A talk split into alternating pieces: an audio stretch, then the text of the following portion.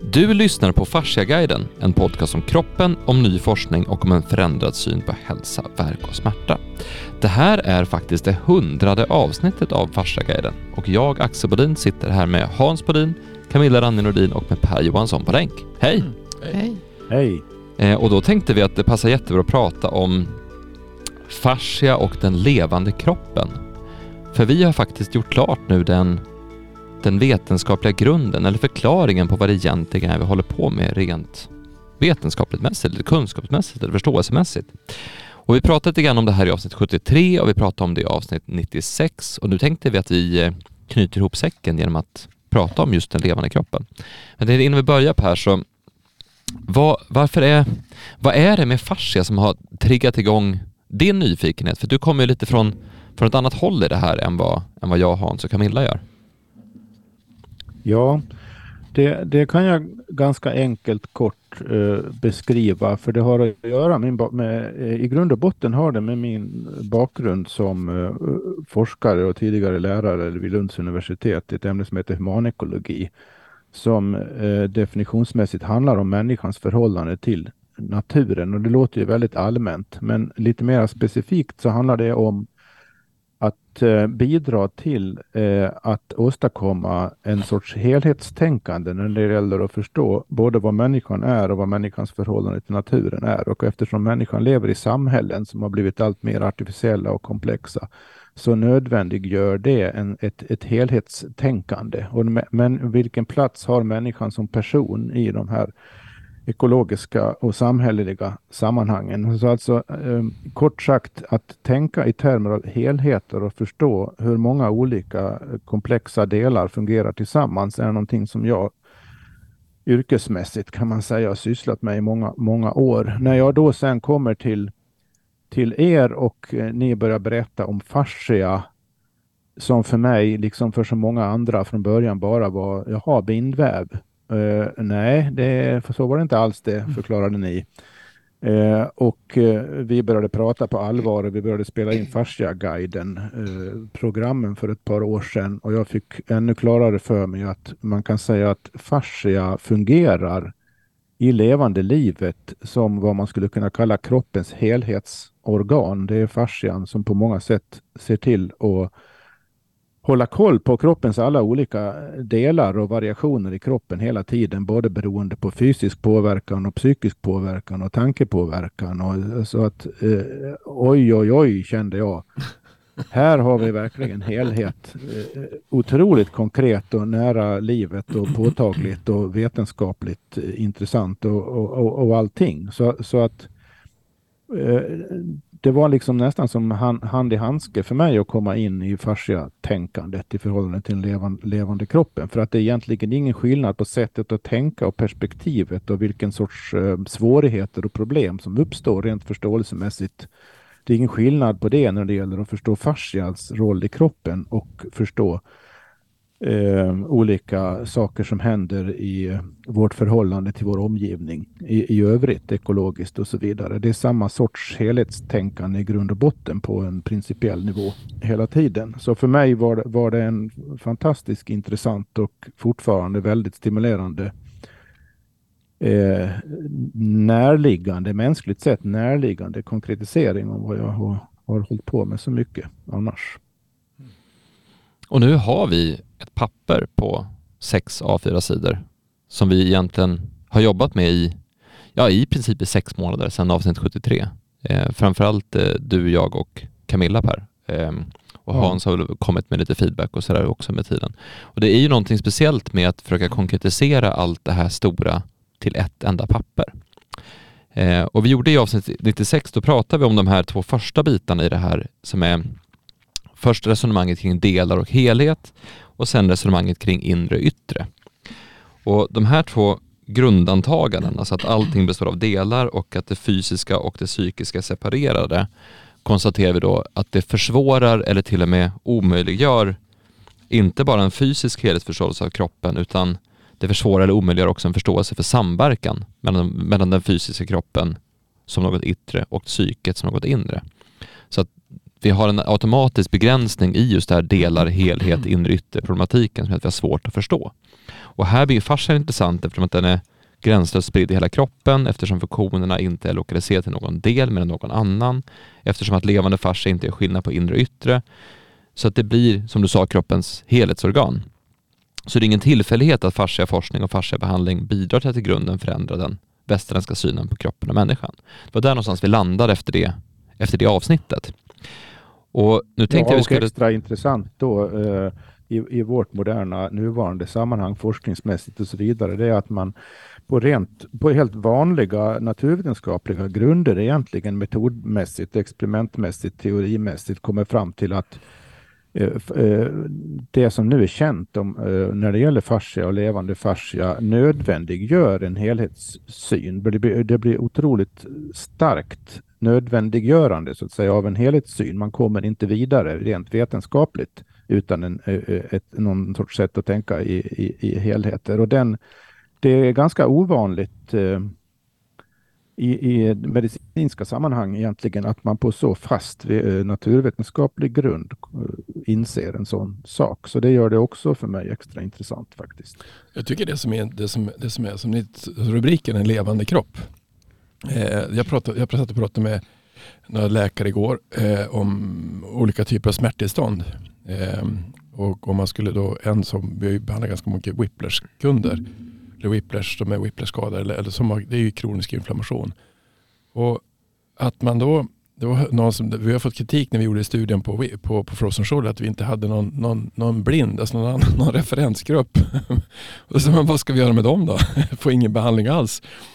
Och det, de, det är som att man förstår inte att det blir så konstigt. Alltså antingen behandlar du och så visar du att behandlingen fungerar. Sen skulle man kunna titta på rent fysiologiskt gå in och undersöka med eh, ultraljud eller eh, med andra saker. som Vad är det som händer egentligen om de blir bra?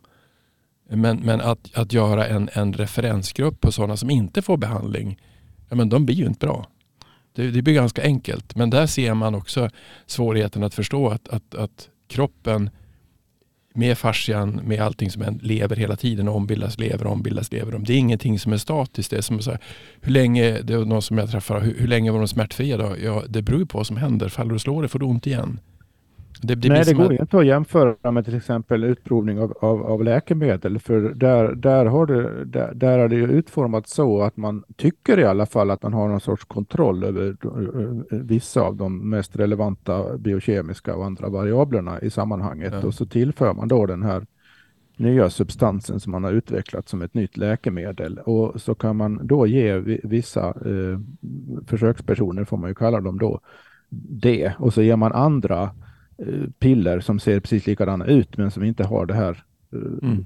förhoppningsvis verksamma in, ingrediensen. Då. Och det är det, det är det hela den här dubbelblindtestförfarandet bygger på, på ett sätt. Mm. Eh, det, det kommer ju väldigt mycket från den sortens forskning och det, det, det är ju ett väldigt bra, det, rent metodiskt är ju det då, ingen, det fin, går ju liksom inte att översätta den typen av exakthet i metodiken till just eh, fascia och fasciabehandling för att då, det, det, är för många variabler. Det går liksom inte att isolera vad som är vad. Och det, det är ett, ett, exempel på, på uh, att det krävs ett annat tänkesätt. Mm. Uh, att, man, att man har ett, ett mera principiellt exakt sätt att tänka på, på uh, hur ska man tänka på helheter, mm. levande helheter egentligen. Och, och faktum är att det är ganska vetenskapligt ganska outvecklat hur man gör det.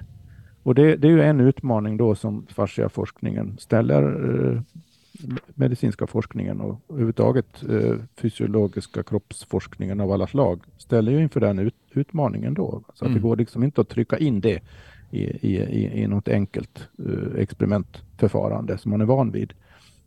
Och det är väl där någonstans vi har försökt göra en, eller tänkte du säga något Camilla? Ja, jag tänkte bara säga, bara kommentera det med verkningslösa piller som man då ska ha den eh, i kontrollgruppen så att säga. Det, mm, den innehåller inte den verksamma substansen men den innehåller väl en massa annat som man inte har en aning om hur det kan påverka Ja, visst. kroppen. Man, Så, så det, massa fakt- man kallar det för sockerpiller. faktorer. Så att, ja, Ja. vi vet hur Socker so- påverkar, socker påverkar också.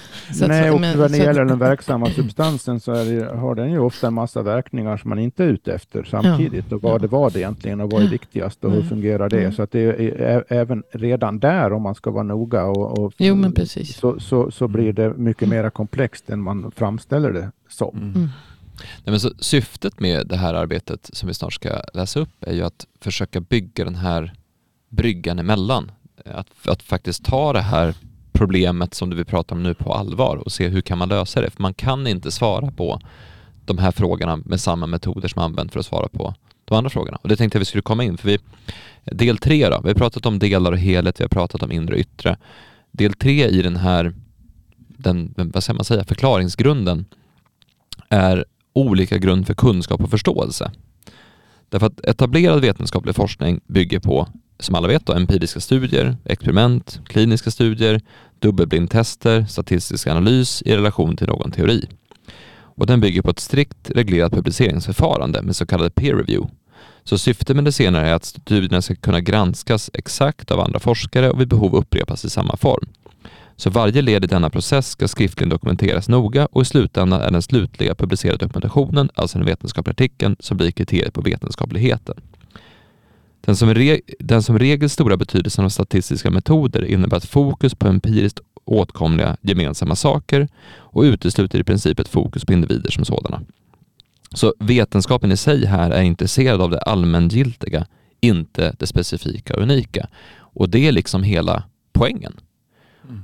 Och därför blir det svårt för den här eller det här är ju resulterat i en avancerad förståelse för delar och av yttre skeenden och funktioner och samband och en förståelse som avsiktligt inte tar hänsyn till etiska eller kulturella värden, hur saker känns eller den djupare filosofiska betydelsen. Så som följd saknar detta naturvetenskapliga publikationerna subjekt, vilket befäster separationen mellan inre och yttre och därmed omöjliggör en förståelse för den levande kroppen som helhet. Och här bollar vi ganska mycket fram och tillbaka Per, att egentligen är det ju, det är, det är inte många som känner till att det är det som är poängen. Alltså själva avsikten med naturvetenskapen är att det inte ska vara subjektivt. Du ska inte ta hänsyn till mina tankar och känslor. Du ska inte ta hänsyn till om, om personen bor i Sverige eller Tyskland. Du ska inte ta hänsyn till, till den typen av saker. Du ska inte ta hänsyn till de som eh, avviker från det allmängiltiga, utan det är inte det man vill få fram. Nej, och jag vill, jag vill eh, poängtera här nu då i samband med det att det finns ingen, eh, vad ska man säga, an, nödvändigtvis någon antisubjektiv eller ond, ond vilja bakom det här, utan det, det, är, det är ett förfaringssätt som har visat sig framgångsrikt när det gäller att eh, skapa vissa typer av kunskap, när det gäller en, en, en eh, en förståelse av återkommande regelbundenheter och sådant kan man kalla det. Mm. Och, och, och eh, systemkännetecken av olika slag. Alltså, eh, så att det, det ger en väldigt eh, rik och exakt eh, utformad typ av kunskap som kan prövas gång på gång och vidareutvecklas på det vi, viset. Så, så att att säga att den är konstruerad för att inte ta hänsyn till, sub, till subjektet är egentligen att, att man, man konstaterar ett, ett faktum i, i, i hur, det, hur det fungerar och är avsett att fungera. Så att det, eh, det, detta konstaterande i sig är ingen grund för någon kritik av det här vetenskapliga förfarandet som sådant. Däremot så blir det nödvändigt att konstatera och det är det som blir uppenbart i relation till eh, fascia eh, forskningens krav som jag ser framför mig och som redan börjar visa sig. Det är det som eh, blir tydligt då att med det, med det sättet att bedriva vetenskap på så i och med att det utesluter vissa saker rent metodiskt och rent eh, tankekonstruktionsmässigt skulle man kunna säga så måste man förstå att å ena sidan är det väldigt kraftfullt när det gäller att få fram viss typ av kunskap. Men å andra sidan så kan det bokstavligen inte ge någon kunskap om andra sidor som är relevanta i det levande livet. Mm.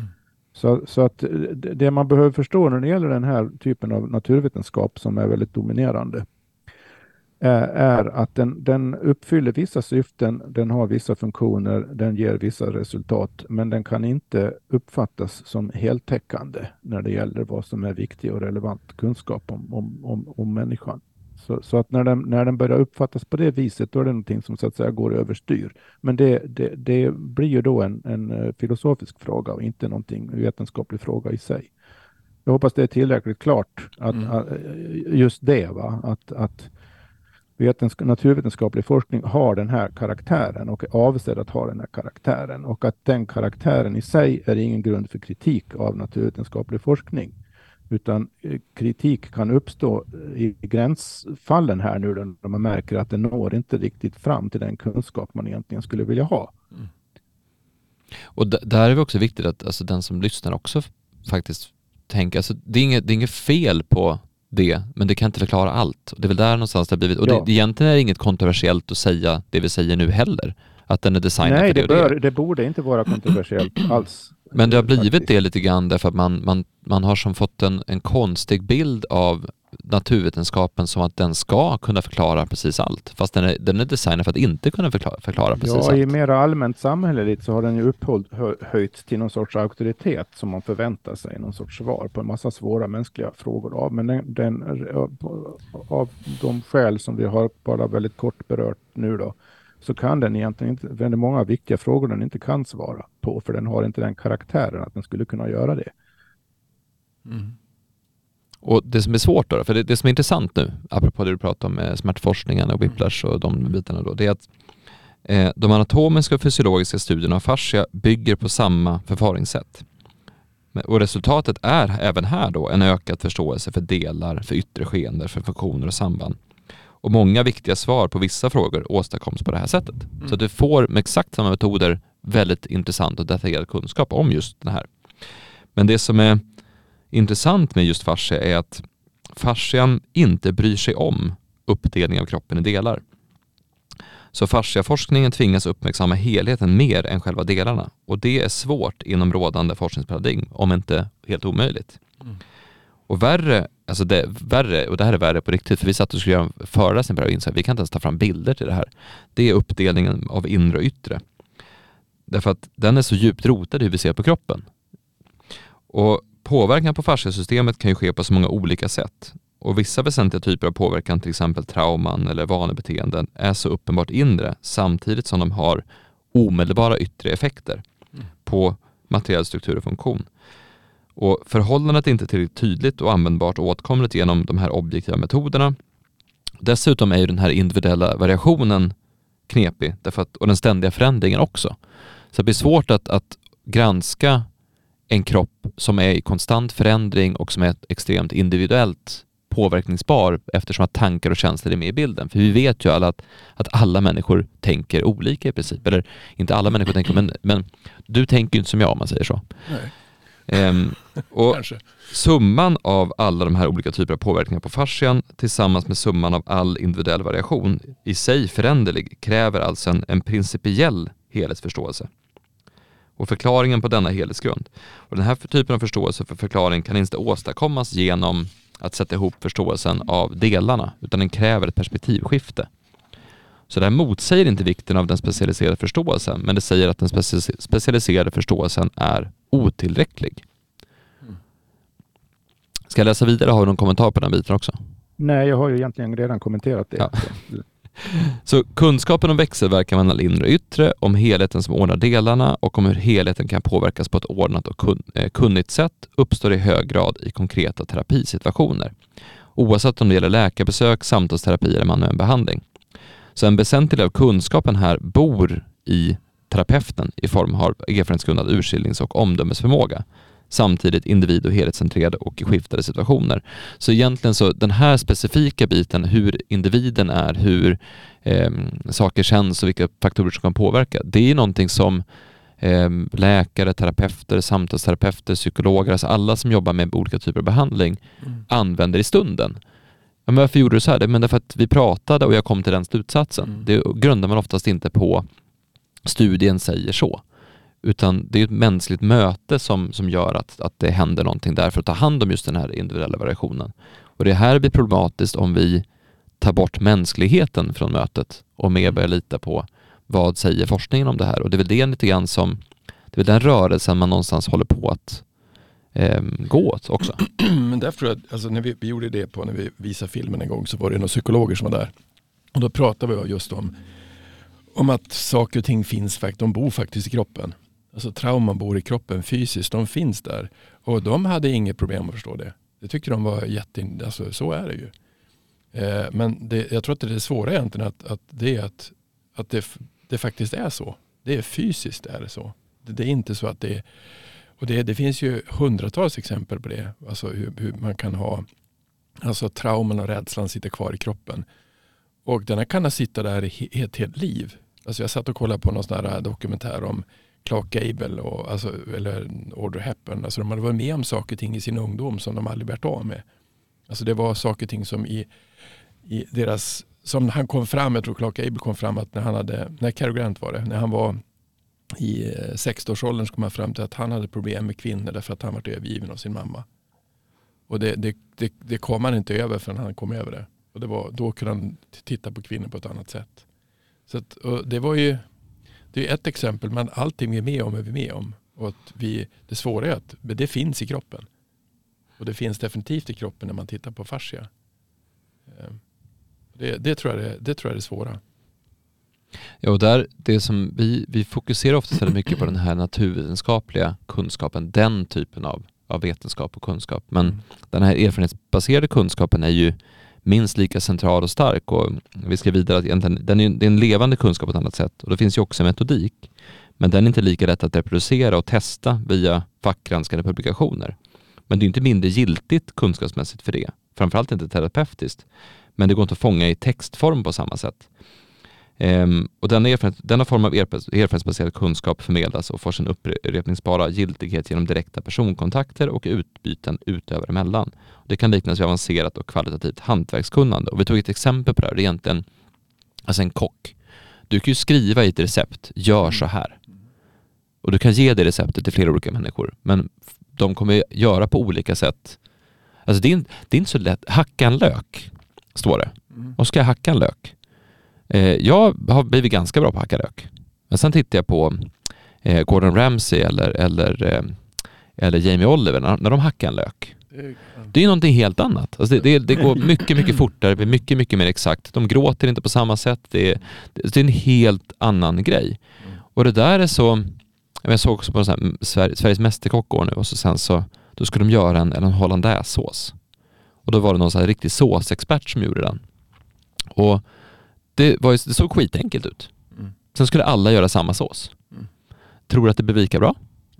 Och det där är ju någonting som vi vet det. Alltså det här är ju det är ingenting som vi behöver egentligen ha en, en, en vetenskaplig studie som ska förklara att det är så här. För det här är någonting som vi upplever i våra liv precis hela tiden. Mm. Och så återigen handlar det inte om om kunskapen är eh, giltig eller inte, utan vår relation till den här typen av kunskap. Och Per, du har, väl, du har väl varit en förespråkare för erfarenhetsbaserad kunskap i väldigt många år? Att ja, ska det har jag ju ja. eftersom den, den är uh, egentligen un, undervärderad eftersom den inte går att dokumentera på samma sätt. Uh, utan bor i personerna som, som vi har skrivit där i texten. Det är därför jag säger också att jag, flera forskningsrapporter som jag läst är intressanta som är gjorda av eh, psykiatriker som är eh, forskare och psykiatriker. Då, som, som har liksom mer kopplingen mellan kropp och själ. Om man säger mm. så. Och det, det, det, det är egentligen där som är intressant. Är att för, eh, om vi ska avsluta den här del tre då, för då, då står det att det speciella med den här typen av kunskapsutveckling som förståelse av fasciasystemet pockar på är just att den behöver finna vägar för dessa två kunskapstyper att samspela på, på olika sätt utan att deras respektive särart försvinner. Så att du, du måste ta det naturvetenskapligt och kunna förklara det, men du måste också få in det erfarenhetsmässiga som du pratar om nu egentligen, att, att psykiatriker som, som tittar på fascia kopplar ihop just eh, vårt inre liv med vår fysiska påverkan. Ja, det behöver inte vara de som har tittat, det är flera som inte ens eh, hade en aning om fascia så att säga, men de har ändå det här med hur psyket påverkar kroppen och hur kroppen påverkar psyket. Mm. Ja, så det Alltså kommer ju. Ja, ja. Eh, och den helhetsförståelse som är nödvändig i relation till fascia kommer aldrig att kunna reduceras till enbart det som är åtkomligt via konventionell naturvetenskaplig metodik. Människan som levande erfarande varelse måste medvetet och explicit finnas med i själva förståelsen.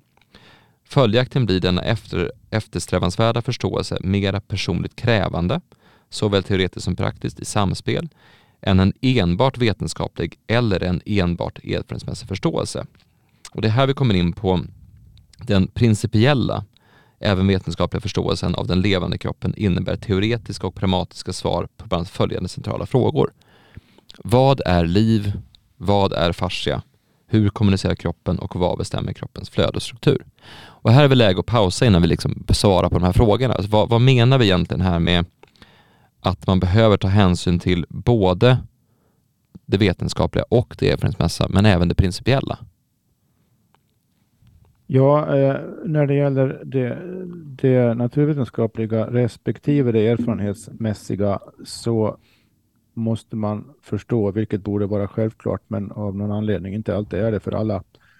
Eh, man måste förstå att det går inte att översätta det ena till det andra. Det går inte att översätta det erfarenhetsmässiga till den naturvetenskapliga formen. Det går inte att översätta den naturvetenskapliga formen, det som har framkommit via den, till eh, erfarenhet, utan det är två olika modus eller sätt att Mm. bedriva kunskapsutveckling på. Det ena centrerat och fokuserat i en levande människa, det erfarenhetsbaserade.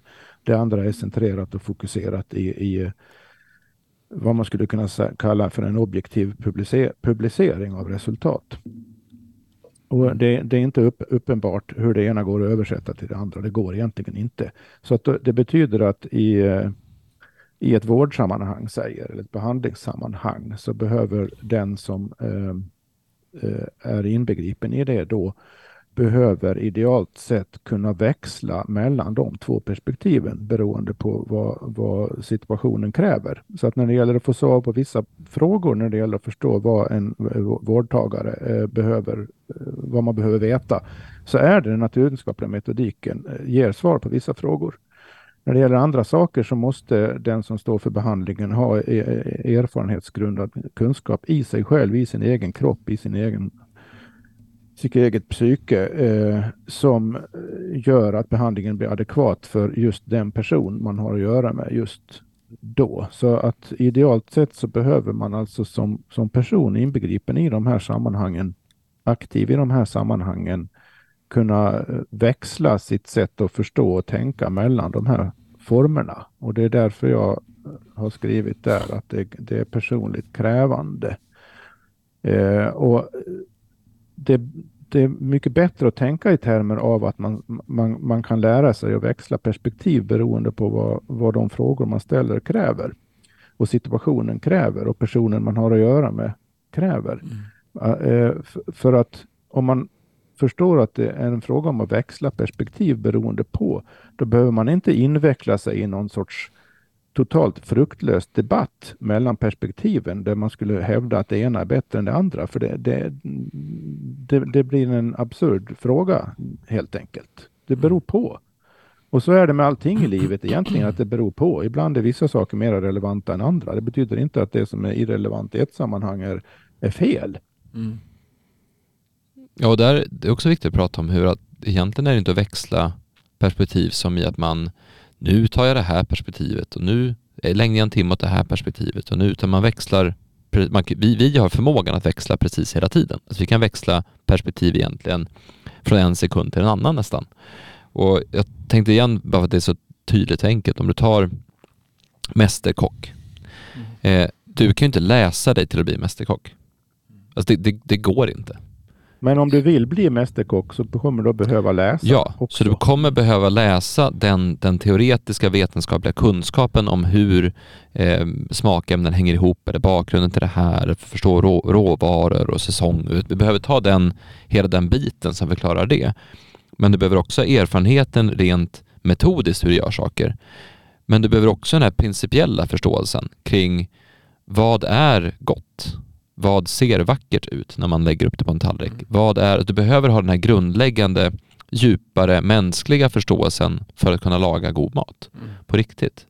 Ehm, Och det där är det där måste ju du stöta på precis hela tiden Hans när du behandlar. Att du behöver både kunskapen om, om det, det teoretiska men också själva hantverket och den här underliggande principiella känslan. Mm. Du måste ju, ja precis. Det är, så, det är det som är, jag tror att det som är det är exakt så man försöker göra. Eller man försöker att förstå så mycket som möjligt på så kort tid som möjligt på vad den personen egentligen har varit med om. Um, och en, en, del är det inte så mycket problem med. En del har ju saker och ting som, som, som faktiskt är underliggande orsaker till varför det har gått snett. När vi gick på, när jag var i osteopatutbildningen så var det en utav, kanske berättade det förut, men det var en, vi skulle göra en sån här examination, ska vi titta på. Då fick hon berätta en anamnes vad hon har varit med om den här kvinnan. Hon hade fött fem stycken barn. Och sen så, eh, men sista barnet hon hade fött så berättade hon, och, för hon var lite sned, vad har hänt för någonting? Då hade hon varit med en, och blivit påkörd på sidan. Alltså sidokollektion. Och det såg man på kroppen att det var det. Men det som var, när hon berättade om det så började hon gråta på en gång. Därför att hon var rädd att hon hade förstört sitt barn. Så att så djupt satt det i, i henne att det satt en sån, sån krocken vart så närvarande på en gång. Så att, och det, man såg det i kroppen. Alltså, så var. Och om man inte tar upp sådana saker som, är, som, som faktiskt kan ha, för egentligen är det bara hit, det, det, det har ju hänt någonting fast det gick ju bra. Men nu kan det fortfarande vara kvar i skräckfilmen? Att det händer någonting. Hur kan det fortfarande vara kvar där? För det gick ju bra. Visst födde du barnet? Jo, visst gick det bra allting. Ja, fast jag, jag var ju orolig i sex månader. Men varför då? Eller det, hon var ju det. Det som jag menar att man måste titta på hur ser de ut? Vad har de varit med om för någonting? Vad kan det bero på och hur hittar man ut? Det, det är det man får göra. Sen, sen den som ska hitta ut och göra det, det är den som är bibehandlad. Därför måste ju den som är bibehandlad inte bli betraktad som placebo utan de är faktiskt med och gör saker och ting. Det är jag som påverkar och lever mitt liv, det är ingen annan. Så därför är det viktigt att få med personen i fråga i, i det. Alltså, det fanns ju en sak som är ganska intressant som, som du har säkert läst också. Som, som Camilla tog upp det här med att, att brosk läker lika fort som muskler. Så finns det ju en ganska känd studie där man har gjort eh, man har gått in och tittat på knäoperationer fast man inte opererar dem. Och så har de blivit friska. Och så kallar man det för placebo. Men egentligen kanske det är så att det är inte placebo utan det är att brosk läker lika fort kan, kan självläka. Eh, så det är ett annat sätt att visa hur man tror att det är på ett sätt istället för att man, det är på ett annat sätt. Eh, utifrån den, det perspektivet. Så det, det, är, jag tycker det är intressant med, med fasciaforskning hur mycket saker som kommer fram som är annorlunda. Eh, med primavaskulära systemet eller att brosk läker lika fort som muskler eller någonting annat. Som är ju det är ett annat perspektiv. Mm. Mm. Så det vi försöker göra nu då, det är att ta oss an den levande kroppen och hur man förstår den. Och då börjar vi egentligen på en, en, en principi principiell nivå. Vad, vad, innebär det egentligen? För, för mig är det att man, man försöker förstå grund, grundkärnan i någonting. Så om du tar första rubriken som vi har här under avsnitt fyra, den levande kroppen, så är det Vad är liv? Och den första raden som står där är Allt som lever har ett flöde. Varje levande cell eller organism har ett flöde av vatten, energier, partiklar, molekyler, ljus, ljud, vibrationer och så vidare. Allt liv kräver vatten där vatten är transportören av livets flöde. Och det här, eh, det är du som har skrivit den här meningen Camilla. Eh, vad, vad, vad, vad, hur, hur blir det här så, varför blir det här så centralt att allt liv har ett flöde?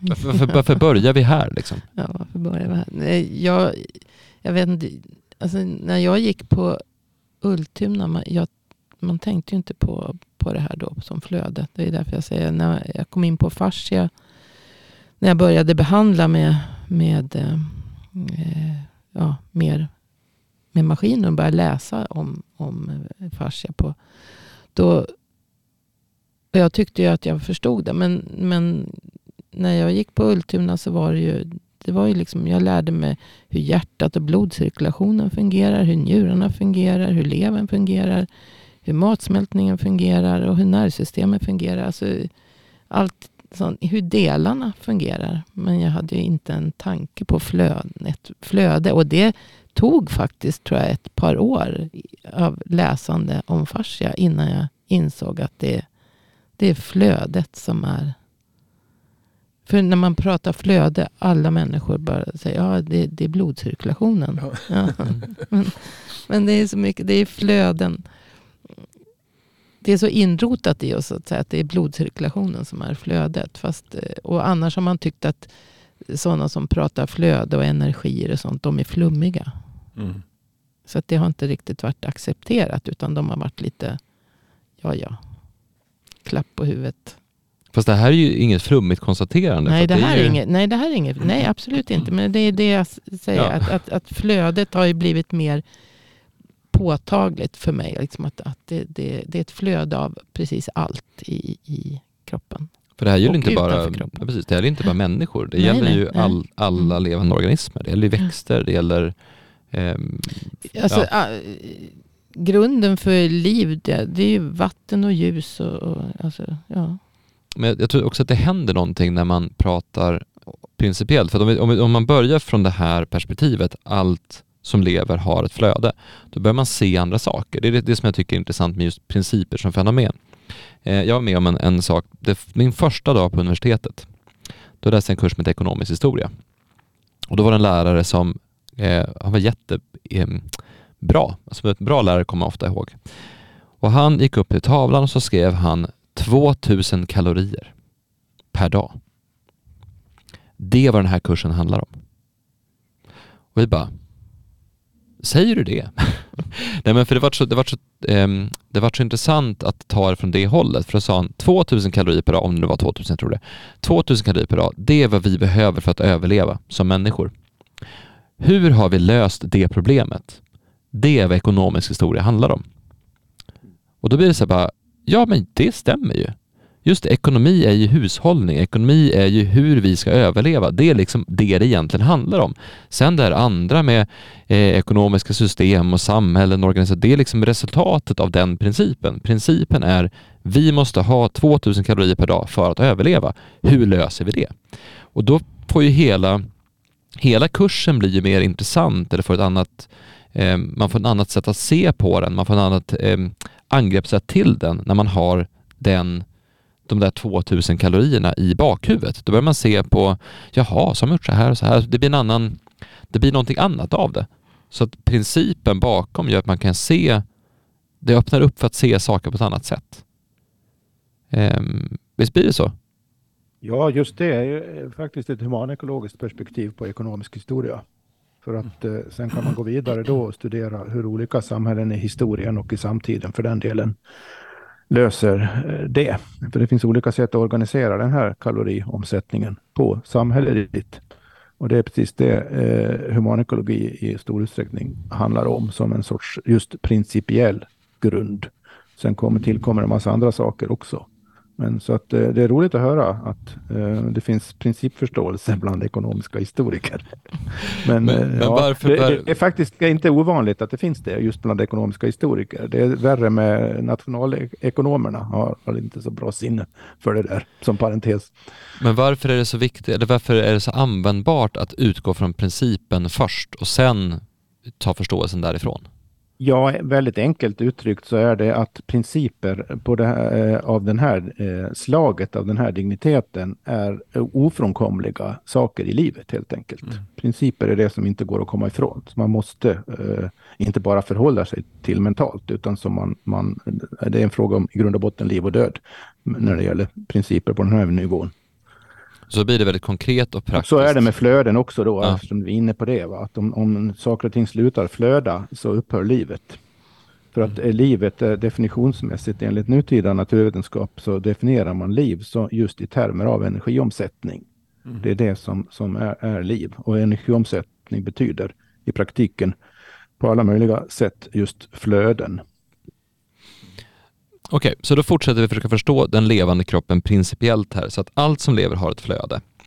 Eh, varje levande cell har en metabolism som kräver ett flöde in i cellen, ett flöde inuti cellen och ett flöde ut ur cellen.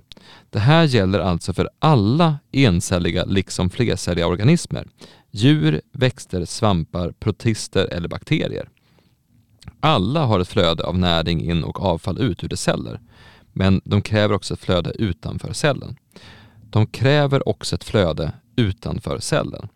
Så även den encelliga organismen kräver att det finns ett flöde av vatten runt om, annars fungerar inte transporten in och ut ur cellen.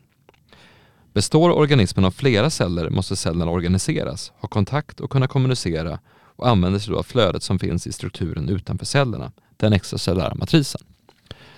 Det här är väl ganska, det här är väl ingenting man kan orda om, eller? Är, är det någonting som inte är, är fast i det här? Nej, det där är ju Mm. grundläggande principiell naturkunskap vid det här laget borde vara. Visste, ja, det, visste du det här innan? Jag visste inte det här innan. Att alla, alla celler hade alltså på det sättet, även encelliga växter hit och dit. Jag, jag tror aldrig någon har sagt Nej, alltså det jag, alltså det, man, det jag läste lite grann om, om cellbiologi så är det ju att eh, det blir ju väldigt, eh, väldigt mycket celler. Alltså väldigt mycket om vad cellen egentligen gör. Det är ju inte, det är inte helhet och flöden som är, man tar upp. Och jag tror att det var det som jag tror att det är med flöden och att det måste finnas det. Det var jag tror det som Neil Teese vart fascinerad av. Att det, att det flödade saker genom levern. Och det Mm. flödade genom hela kroppen. Så att jag tror att det där är, jag tror att på, på en gång det här med att vi har varit så fokuserade på delar istället för helhet och inte förstå att allting är flöden. Det är ju elementärt men svårt att förstå. Ehm, så jag tror att, att, ehm, att, ehm, ja, men det, det, det som, som att, att det finns inte bara kemisk kommunikation utan det finns mekanisk kommunikation. Att det finns saker och ting. Det, det är ju att, att, att, att, att det är en helhet. Det tror jag det är. Det är nog svårt att tänka sig in igen. Det är perspektivet man måste titta på. För det låter ju inte, det låter ju ganska enkelt på ett sätt när man bara läser det så här. Eller bara ser det så här, tycker jag.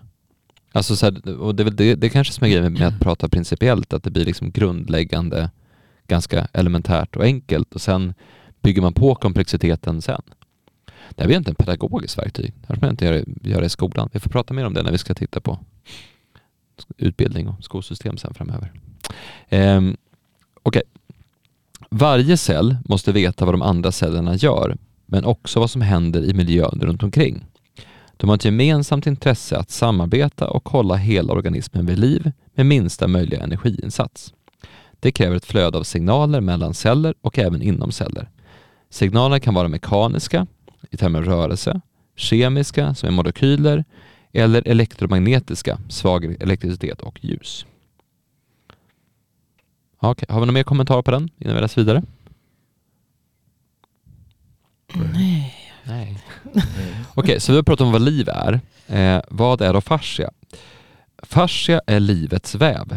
Strukturen och flödet mellan alla celler. Den extracellulära matrisen. Och det som upprätthåller de processer som underhåller sammankoppling, kommunikation och interaktion mellan kroppens alla delar. Okej? Fascia består alltså av en fast del, en struktur av fiberproteiner och en flytande del, ett flöde av vatten, hyaluronsyra och andra makromolekyler. Till fascian hör också celler som producerar de komponenter som ingår i fascian, till exempel fibroblaster som bildar fiberproteiner och fasciacyter som bildar hyaluronsyra.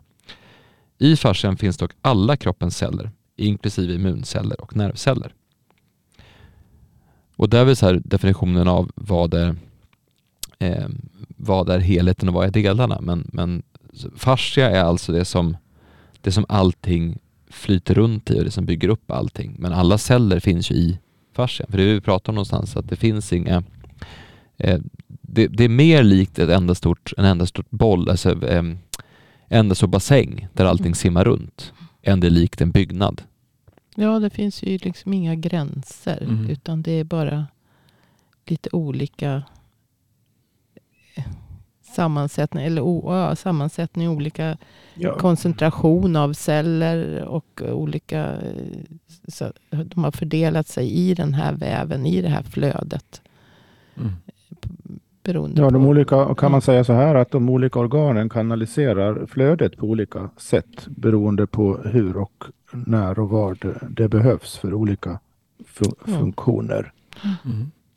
För även om någonting vi tänker som är, är hårt, som till exempel ett, en bit skelett, är ju inte hårt, utan Nej, det är ju nej. fyllt av vatten, det är fyllt av extracellulära matris, det är fyllt av de här fiberproteinerna.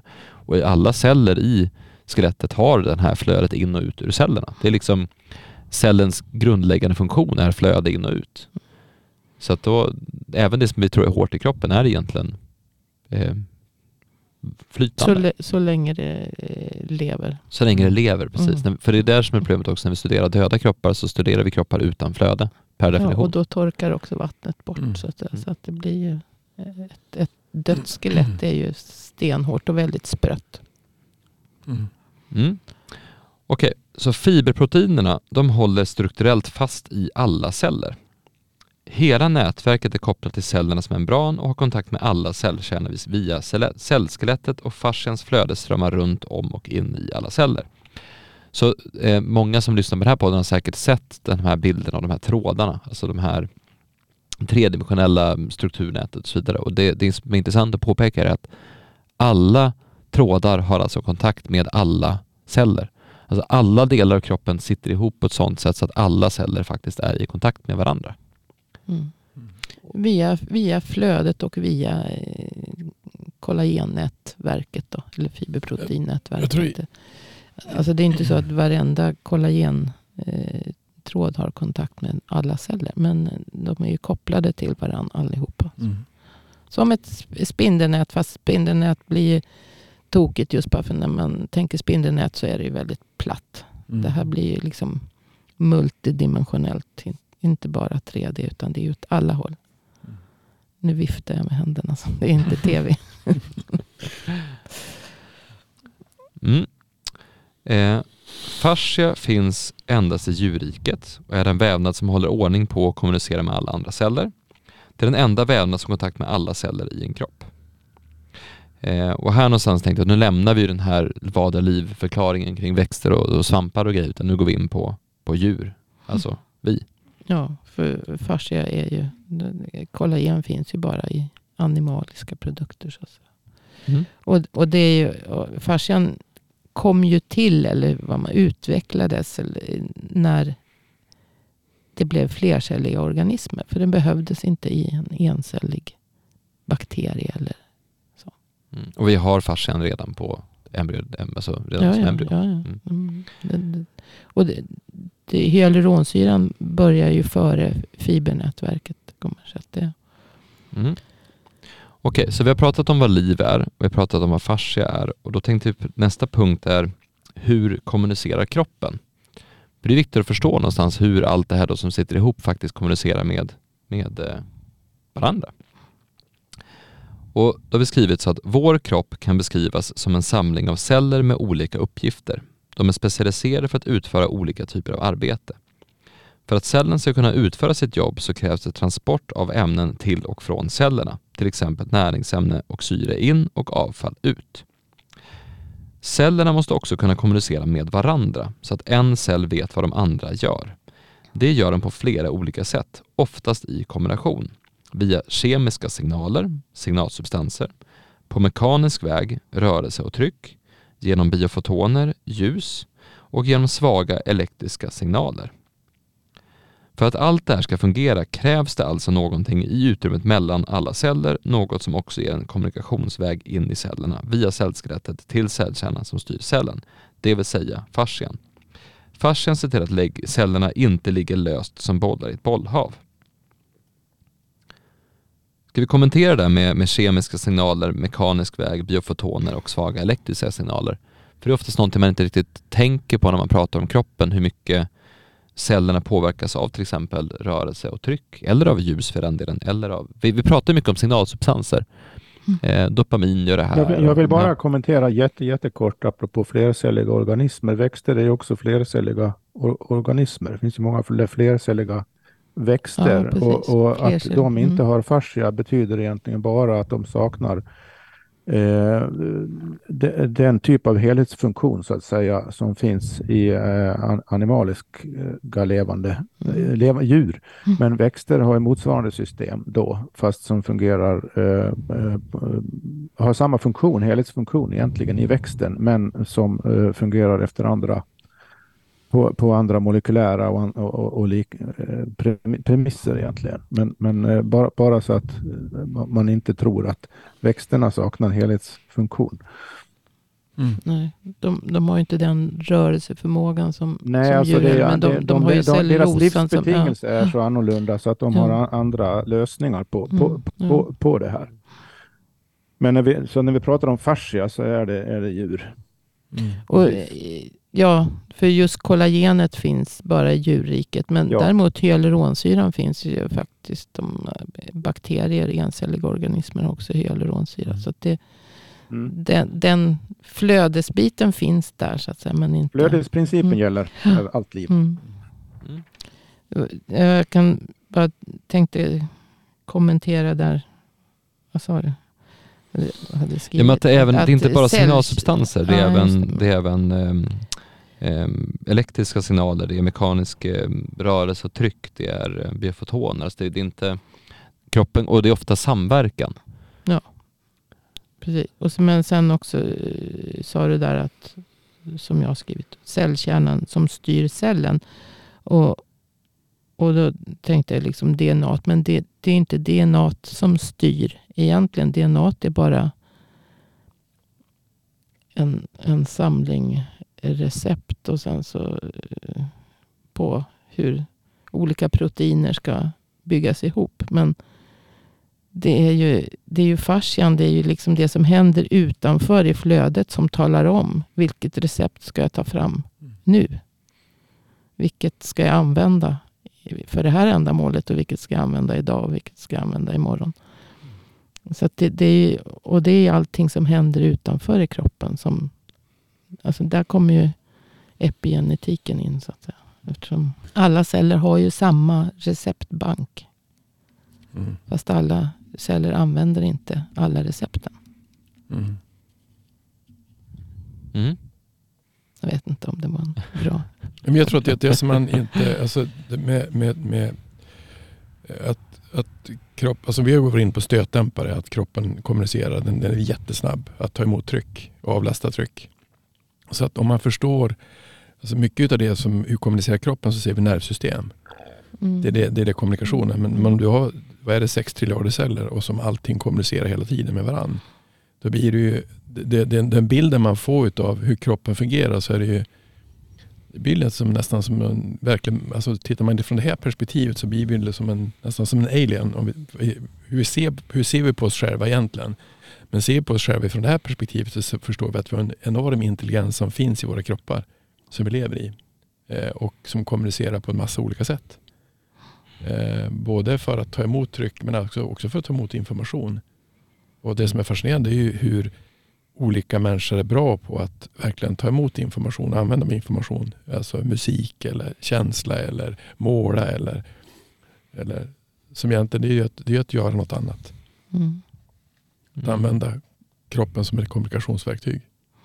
Ja, man brukar ju säga att en, en em, unik sak med mänskligheten är vår förmåga att kommunicera med varandra. Ja. Men de har nästan också underskattat vår extrema interna kommunikation, alltså hur avancerad den är. Em, Det har ju säkert hästar också en avancerad eh, intern kommunikation, men, men just den här med jag, jag tror att vi, vi generellt sett har underskattat vår egen kropp ganska länge. Att den är mycket mer fantastisk än vad vi tror. Men det har ju ni som hört podden en hel del, har ju hört att vi har pratat om det förut. Um, vi ska gå vidare så vi hinner, hinner klart här, tänker jag. Så. Ehm, flöde skapar strukturer och strukturer påverkar flöde. Jag har tagit ett citat här från eh, Carol Davis, eller en, ett, en översättning av en sammanfattning av hennes eh, text om man säger så. Eh, Carol Davis är alltså professor eh, em- emerita of physical therapy på University of Miami. Hon har skrivit så här. Vi är en helhet, en enhet. Fascian är ett levande, vibrerande, multidimensionellt tryckfördelande nätverk. Alla våra 35-75 miljarder celler är inbäddade i detta nätverk.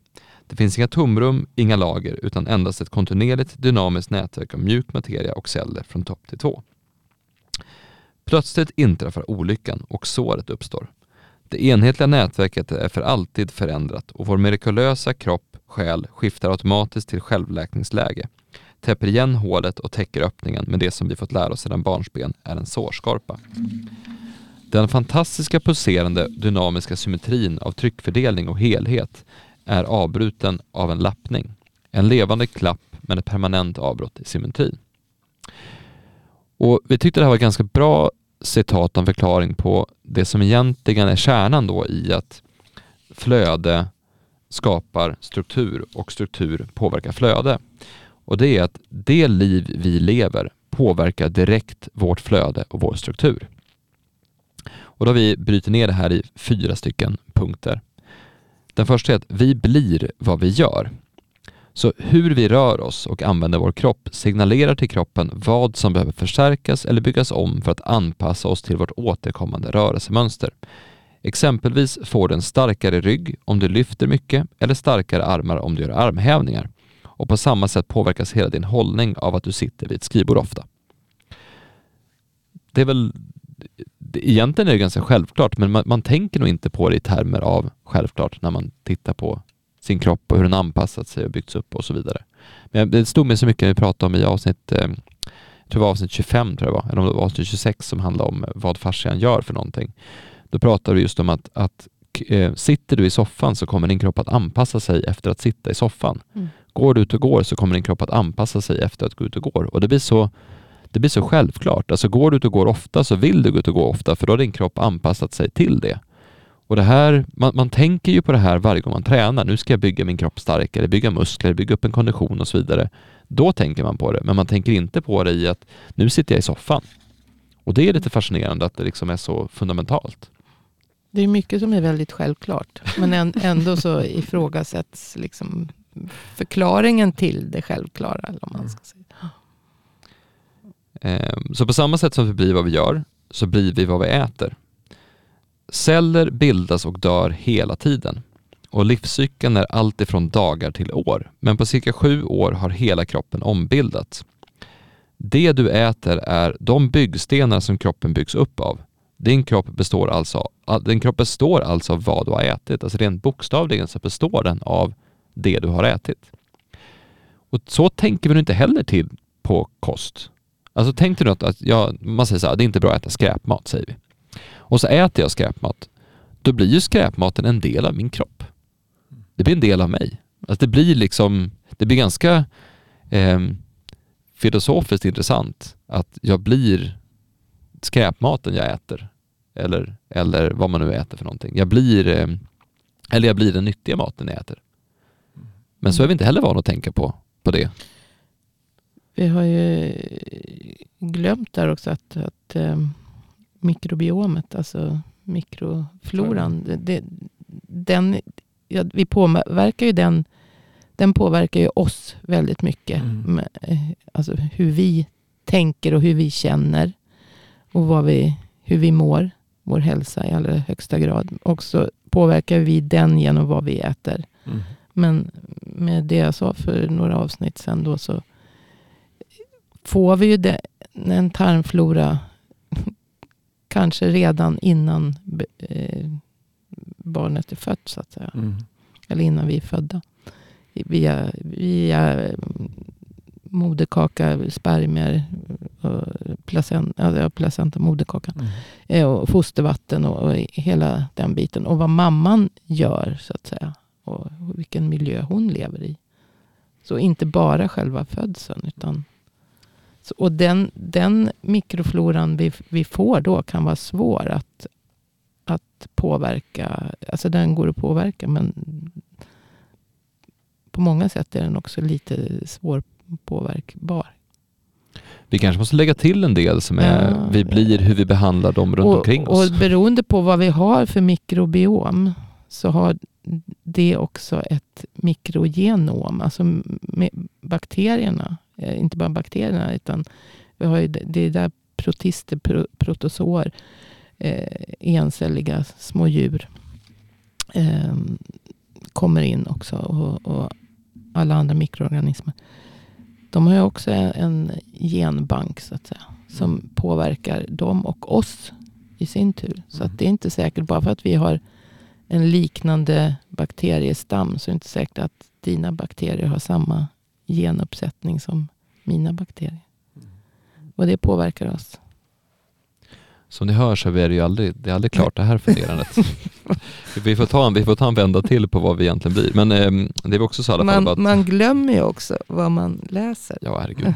Och liksom det, ja. Ehm, vi har i alla fall skrivit att vi blir vad vi tänker och känner. Ja, ja det, det är inte fel. Är, liksom- men man kan säkert lägga till hur mycket som helst. Det var bara, jag kom, kom på det när jag läste vad vi äter. Det, det, det är inte bara det som påverkar. Ja, men jag, tror det finns en poäng i att prata lite grann om, alltså just ehm, vi blir hur vi behandlar andra. Alltså hur vi behandlar vår tarmflora påverkar också hur vi blir. Men kanske även hur vi behandlar människor runt omkring oss Mm. påverkar också hur vi Mm. blir. Ehm, så Men det är helt, ja. helt eh, belagt att tarmfloran den påverkar vårt beteende. Mm. Alltså så vårt psyke påverkas utav eh, vad vi har för tarmflora och hur den mår. Mm. Mm. Vi, vi, får bakläxa. Mm. Nej men det är ju jag som har varit med och skrivit. Jag vet. Det, det är Jag säger det, vi, vi, får bakläxa. Ja, jag, jag får bakläxa. Ja, men det, det, är som, det är som är häftigt när man börjar tänka med banorna, för det blir alltid nya saker som dyker upp. Ehm, hur som helst, vi blir vad vi tänker och känner. Så tankar och känslor som oro, harmoni, avslappning och stress sätter igång olika processer i kroppen som direkt påverkar kroppens flöde och struktur. Exempelvis då leder stress till att du spänner dig och därmed försämras flödet och hormoner som till exempel kortisol bryter ner fiberproteiner, det vill säga strukturen. Så vi tänkte vara med ett enkelt sätt förklara att, att tankar och känslor faktiskt påverkar vår fysiska kropp direkt. Mm. Ehm, vi har väl hela avsnitt ägnat åt den, den Mm. biten. Så. Eh, men vi blir också den miljö som vi är i. Så även luftkvalitet, atmosfären, alltså vilka vibbar som finns och så vidare, väder, föroreningar och fysiska artificiella strukturer som till exempel städer har en direkt påverkan på kroppens struktur och flöde. Exempelvis är det stor skillnad på en bullrig storstadsmiljö med avgaser där oönskade partiklar kan lagras i fascian jämfört med en skog med ren, frisk luft. Och det är också väldigt självklart. Varför, varför pratar vi så mycket självklarheter Per? Ja, därför att vi har en tendens att glömma, glömma bort de självklara sakerna just eftersom de är självklara. Så fort man fokuserar på dem och tänker några minuter så inser man ja, men det där är ju egentligen självklart. Eh, men vi, vi är dåliga på generellt att dra ut alla följderna av det hela i, för, i förlängningen. Det är av någon anledning. Det är något i mänskliga psyket som stör där. Det fick ju TIS eh, kritik för också när han skrev sin rapport om, om flödet här i ja, 1920. Eller vad det, var. Att det, där, det där var ju självklart. Alltså det, det har vi Det vetat ja, hela tiden. Ja, Att Ja, in, om man, om man interstitium fokuserar på finns. självklarheten Ja, sig men- själv ja. så, låt, så, så säger alla ja men det där är väl självklart. Ja men så, så har, har man då, om man, om man själv då har ägnat en massa tid som jag, jag har ägnat ganska mycket tid genom livet att tänka på självklarheter och kommit fram till uh, saker och ting som ja egentligen ganska strikt logiskt bygger på, på det. Men, men folk håller ändå ofta inte med om slutsatserna. Nej, Så att nej, eh, men precis. det, det, det är märkligt. Nej. Så, så att eh, det är väldigt viktigt det där med självklarheter och prin- principer egentligen. så att det är flödet på, på den grunden man kan bygga förståelse och, och, och förklaring. Om man, inte, om man har någon komplicerad eller förklaring av någonting och den inte så att säga kan återföras på något som, som är, är självklart så hänger ju den lite grann i luften. Så självklarheten är, vik, är viktiga. Och det finns en överensstämmelse ofta mellan eh, principer och självklarheter. Så det Det är här med energiomsättning. Det, det Mm. skulle ju många kunna säga, ja men det är väl självklart att man behöver äta. Ja, men Mm. har du tänkt igenom, har du tänkt igenom alla implikationerna av att du faktiskt verkligen dör om du inte äter? Och vad det har för betydelse för hur samhället se, ser ut och relationer mellan människor och, och allt Mm. möjligt. Nej, det har jag kanske inte gjort. Men det, det, det går igen. I, oavsett vad du pratar om när det gäller människan så går ju just det här med energiomsättningen i, igen. Och, och, så att det, jag tror det där när, man har, när någon säger ja men det där behöver du inte säga, det är väl självklart. Det är, no, det är någon sorts uh, ryggmärgsreaktion på att eh, eh, krångla inte till det. Det finns en paradox här. Genom att, genom att dra slutsatser och självklarheter så uppfattas det som att man krånglar till saker och ting. Det, det, det, det som det är vad du tänker och vad du känner, det som, är, som en annan implikation på det, det är att, att när man ser att, att vi är en helhet och allting fungerar och allting, men ändå är vi, fast vi är extremt lika så är vi extremt olika. Så alla har en vibration som finns i kroppen, ett eget DNA som är här för att uppleva någonting som är uppleva exakt den du är och det du ska göra. Det är det som är fascinerande egentligen, att många gånger som, som det vi har råkat ut för när vi hamnar i tillstånd utav stress eller över, alltså överkonsumtion utav vissa beteenden. Då säger kroppen ifrån. Sluta, gå, gör något annat, gör det du är här för att göra. Det där har vi provat redan. Och det, är, det är en annan, det är ett annat sätt att se på eh, hur eh, tillstånd av obalans kan uppstå därför att man är obalans i sig själv. Um, och det tycker jag är, det är rätt häftigt att se att vi är med om samma sak fast vi är med om olika saker fast vi är med om samma sak. Kommer du ihåg vad du skulle säga förut Camilla? Om självklarheter? Uh, no, nej, jag, alltså.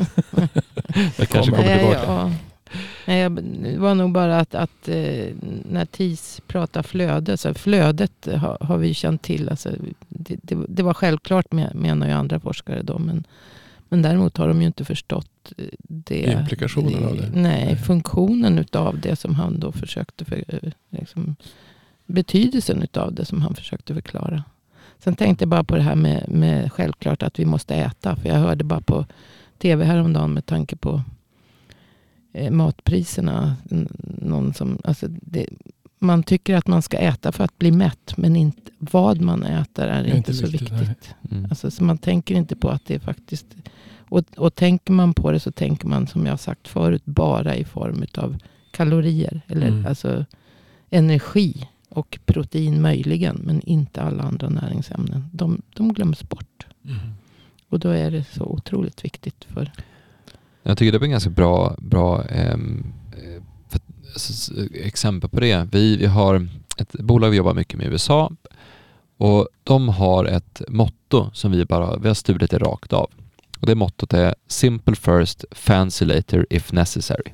Och poängen med det är att de, det de jobbar med är eh, att hjälpa bolag med automatisering. Eh, alltså allt ifrån marknadsföring och försäljning och kundresor och hela biten. Så Och det, det, är rent vet, affärsmässigt nu. Det här pratar mm. ingenting alls om kroppen överhuvudtaget. Men, men principen är, vi gör det enkelt först och fancy senare om det behövs. Därför det är slutsats efter att ha hjälpt företag i tio år och ganska framgångsrika företag också. Det är att nästan ingen har grunderna på plats. Alltså det, det är liksom, det, de, är, de är nästan lite förvånade över hur många det är som har som, som inte har en, en resa från start till mål. Det finns liksom ingen, ibland är det bara, de gjorde en liknelse med att bygga en berg och dalbana. Och då är det så att ja, men man vill gärna ha en, en häftig berg och dalbana, en otroligt häftig upplevelse och det ska vara loopar och det ska vara grejer och sådär. Så. Men om det saknas räls här och där, då blir det inte så kul. Då spelar det ingen roll hur fin din berg och är, saknas det räls här och där så är det ju en dödsfara. Liksom. Det, det går liksom inte så. Så att vi börjar med att ha en, en, en lite det är bättre att ha en berg och som är lite tråkigare men som inte saknar räls mm. än att ha en jättefin berg och men som saknar räls här och där för det kan ju bli väldigt problematiskt. Så då kommer det simple first, fancy later if necessary. Sen sa de att det finns en till nivå också, det du kan ta ninja-nivån. Det är efter fancy. Det är liksom, då måste du examinera dig först i fancy innan du klarar ninja. Och då frågar jag så här, hur många kommer till Ninja? Ja, ingen. alltså, det är ingen som kommer så långt i att de sätter alla grunderna, grunderna sitter på plats och gör en avancerad kundresa. Utan det stannar som där. Mm. Och det var samma eh, bolag som de här också samarbetar med pratade just om att, att det som nästan alla företag missar är uppföljning. Alltså bara mm. följa upp på alla kontakter. Bara, Hej, vad tyckte du om det jag skickade för en vecka sedan? Mm. Eller hej, du vi hördes en månad sedan, vad tycker du om det här? Och det missar, jag tror att typ 95 procent av alla företag missar det här. Och då tydligen är det också så att vad är det typ, det är bara 2-3 procent av alla företag som når upp till en viss nivå, att de faktiskt blir tillräckligt stora företag. Så det, är liksom, det finns någonting i, i det här med att missa... 7 procent tror jag var. 7 procent mm. kommer över 10 miljoner i omsättning. Ja. Av alla företag mm. i hela USA. Och då samtidigt missar 95 procent missar uppföljningen. Mm. Så det kanske finns en ett samband här mellan att glömma bort det enkla och att missa hela poängen. Och det blir lite samma sak här, att om du, om du har, om vi blir vad vi äter och så sen så äter du skit, eller du tänker inte på vad du äter, eller du äter för, som du sa, få energi eller för, få protein, men du äter inte för att få in i dig näring, du äter för att bli mätt. Då har du som missat hela poängen med att äta någonstans. Då har du ju missat grunderna och självklarheterna. Mm. Och om du inte Ja, och där tycker jag någonstans att man kan säga så här, vi får inte prata om avancerade saker förrän ni sätter självklarheterna. Mm. Och det, det där har ju de kört ganska hårt på inom företagandet. Vi brukar köra ganska hårt på det när vi tar in motbehandlingar. Mm. Så att grunderna på plats först, sen tar vi tag i avancerade. Men intressant vad som skulle hända om vi tog det som, som, som samhälle och började säga, nu fokuserar vi bara på självklarheter ett tag. Mm. Vad skulle hända då? Det där gäller ju allting. Ja, precis. Och det är så här, jag- vi pratade om, jag minns i avsnitt 84 som jag brukar dela ganska mycket, pratar vi om stress. Och så bara, men stress är farligt. Mm. Ja, det vet ju alla. Mm. Men alltså hur många tänker på hur dåligt stress är varenda dag när de stressar precis hela tiden. Och det är där som är att vi, vi vet ju om vissa saker men vi tar inte riktigt på Mm. fundamentalt allvar. Och det är väl det någonstans vi vill göra med den här, den här texten, att vi tar självklarheter på väldigt stort allvar. Och då blir det plötsligt ganska, då blir kroppen förståelig på ett annat sätt. Men det är du, som du flyttar dit ner nu till Skåne, visst är det lugnare där? Alltså visst, Ja, är, det, visst, är, det i mindre, man- man visst är det mindre sig. brus? Ja men det är mindre Ja, brus. men alltså är du i Malmö så är det väl ingen skillnad mot Stockholm egentligen. Eller Helsingborg eller någonting. Men jag, jag bor ju i, i östra Skåne då, eh, ute på landet. Så där är det ju väldigt tyst och, och, och stilla. Det är det. Så Mm. det, det är eh, stor skillnad mot mitt i Stockholm som jag bodde senaste åren innan. Mm. Det är lugnt på landet var och en. Även Ja, precis. Ja, det, det- det, det- har nog ingen Men sen det beror ju på, man- det beror på om man fyller sin, sin vardag med också. Så sitter man på landet och man sitter mitt i bruset. Om man pratar om bruset så är det ju lika stressigt där nästan. Förutom Ja, ja, det kan av. man ju numera när man kan jobba på distans via eh, internet så Ja. eh, går det ju att ha, ha brus var man än är. Om man Mm. så är mitt ute i ödemarken kan man ju Mm. ha brus Mm. om man kopplar upp sig. Mm. Och varför är det då bra att fundera på det här med bruset? Jo, för att tryck är allt som påverkar kroppen. Det är väl den sista, det är den sista punkten. Ehm, det enklaste sättet att förklara kroppens funktion är att den tar emot och avlastar tryck.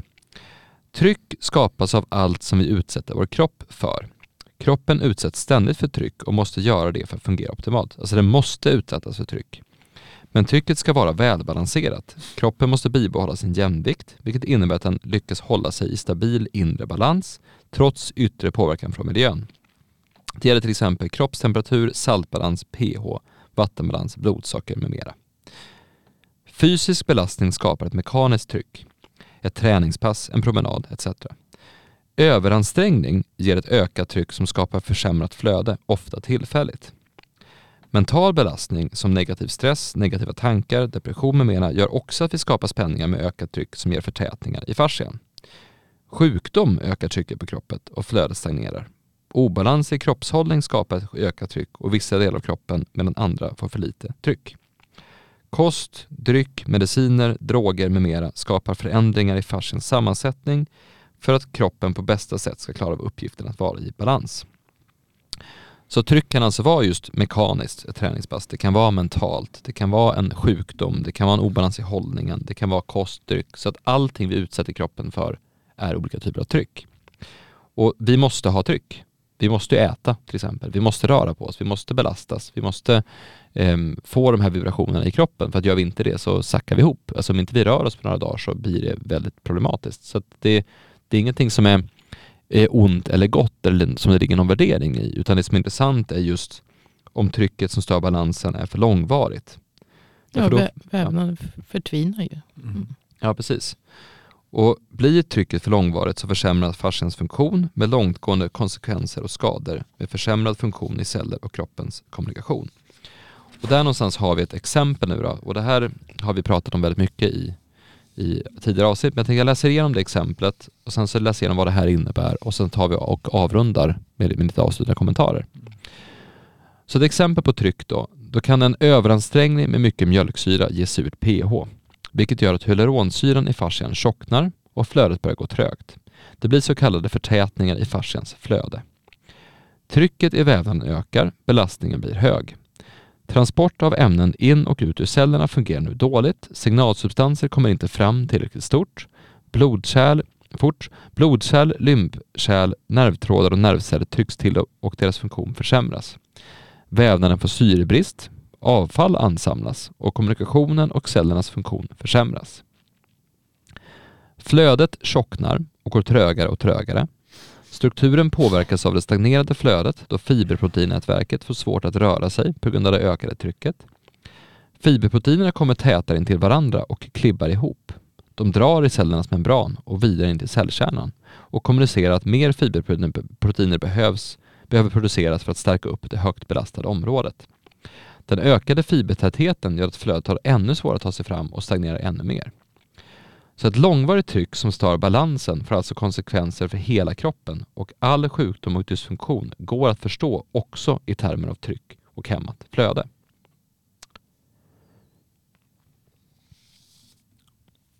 Ja, vad säger du Camilla? Jag har ingen kommentar tror jag. det är självklart. Ja, men vi, vi, vi pratar om den här sista meningen Per också, att, att, att all sjukdom och dysfunktion går att förstå också i termer av tryck och hämmat flöde.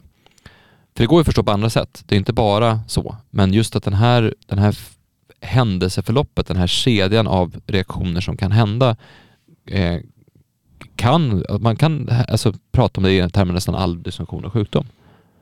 Det principiellt viktiga i det här sista du läste är ju egentligen växelverkan mellan just struktur och flöde. Strukturen mm. i sig, man kan säga att det är en fråga om olika tidsskalor på ett sätt här, att struktur kallar man det som ändra, förändras eh, långsammare och är, har vissa fastare kännetecken än, än flödena.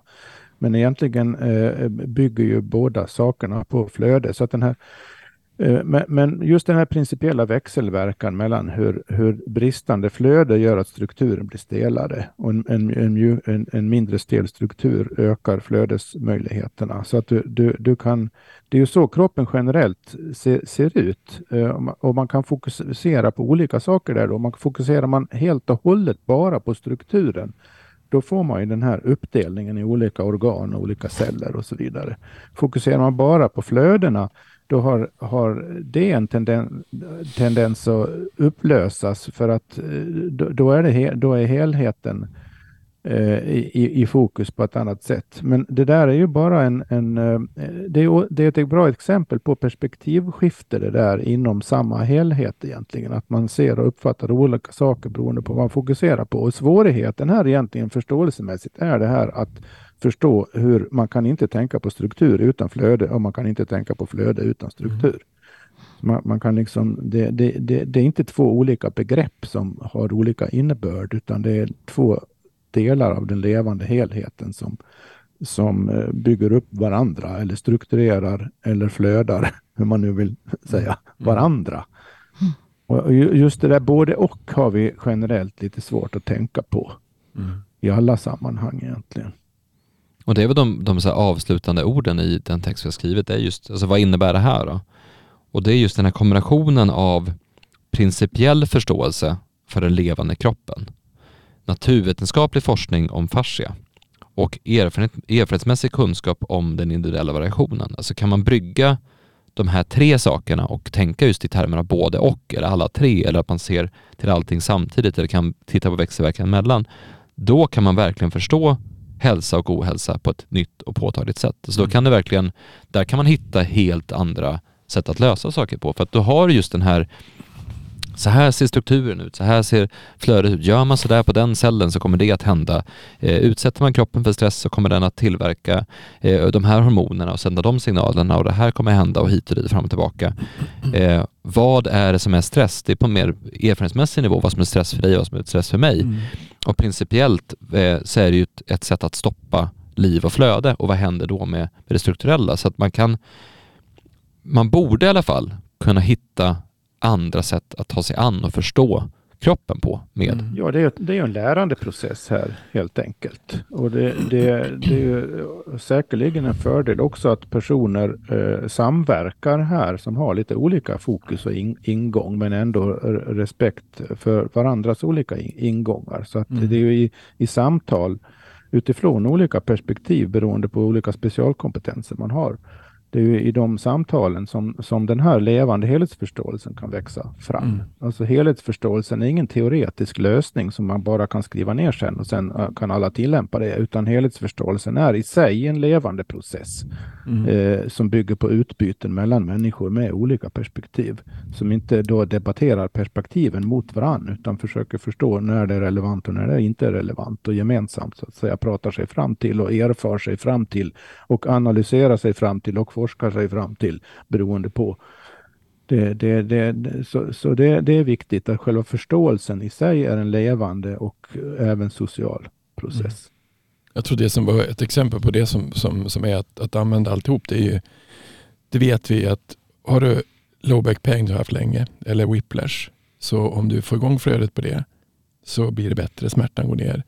Men äter du, kost, alltså äter du näring som gör att du minskar inflammationen och ökar antiinflammatoriska prepp, alltså C-vitamin och sånt, så blir effekten mycket, mycket bättre. Då får du, du får enorma effekter av det. Att använda både näring och medicin och behandling. Så det är ett jättebra exempel på hur man kan, hur kan man, man kan fixa, alltså ordna verk. Som whiplash eller low back pain.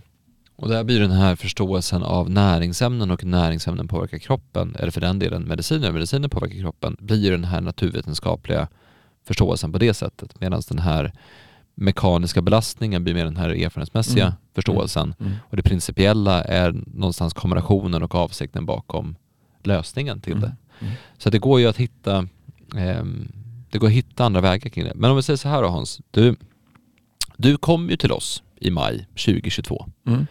med ett uppdrag.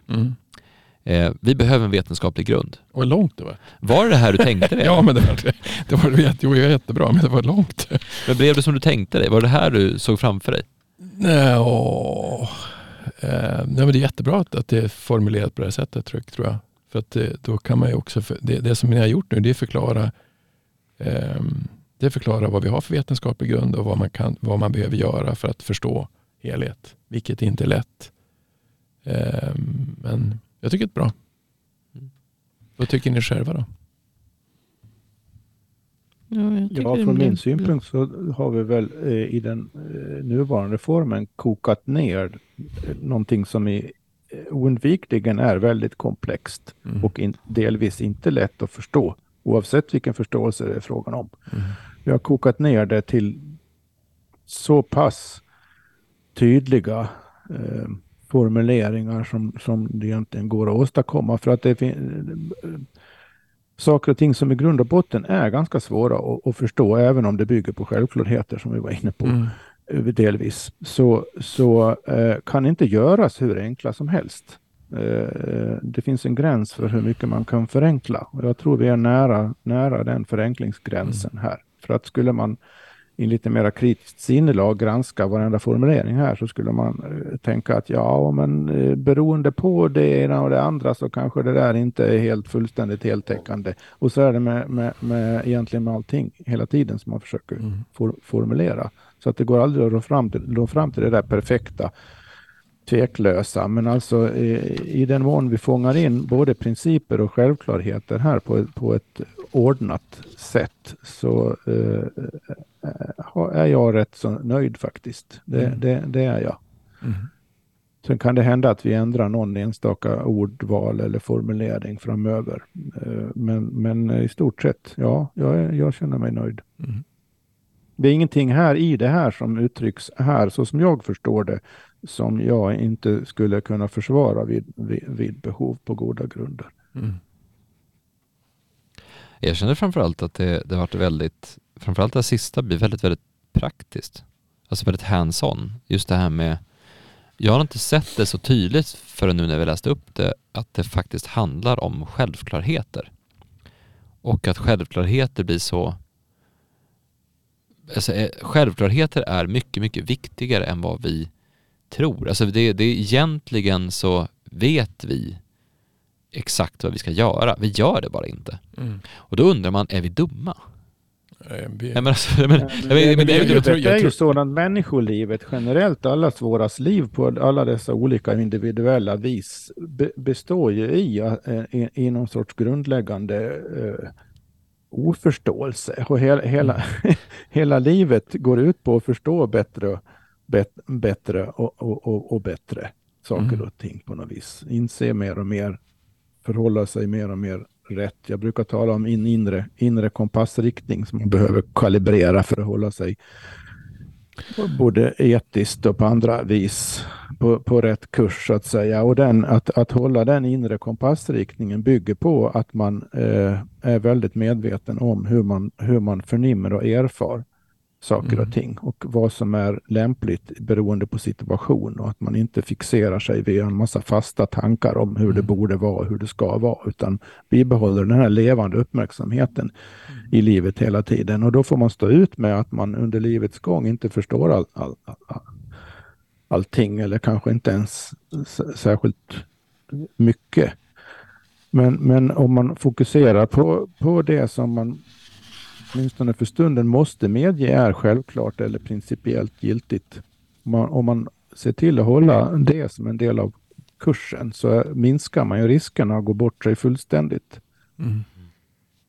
Men jag, tror, jag tror att det som är, det som är rubriken Fascia den levande kroppen, tycker det den har gjort är ju att man, man förstår att mycket av det som vi tittar idag på, som man säger är den vetenskapliga forskningen, är ju ett, ett, ett, ett ögonblick. Alltså man tittar på ett ögonblick istället för att titta på li, hela livet som det är. Mm. Ja. Det är inget fel på det. det. Man måste göra så också. Nej, och det, det är väl samma sak som vi var inne på i något tidigare eh, program när vi pratade om, om hur saker är. Att det är inget fel på hur saker är. Det kan bara vara mycket, mycket bättre. Mm.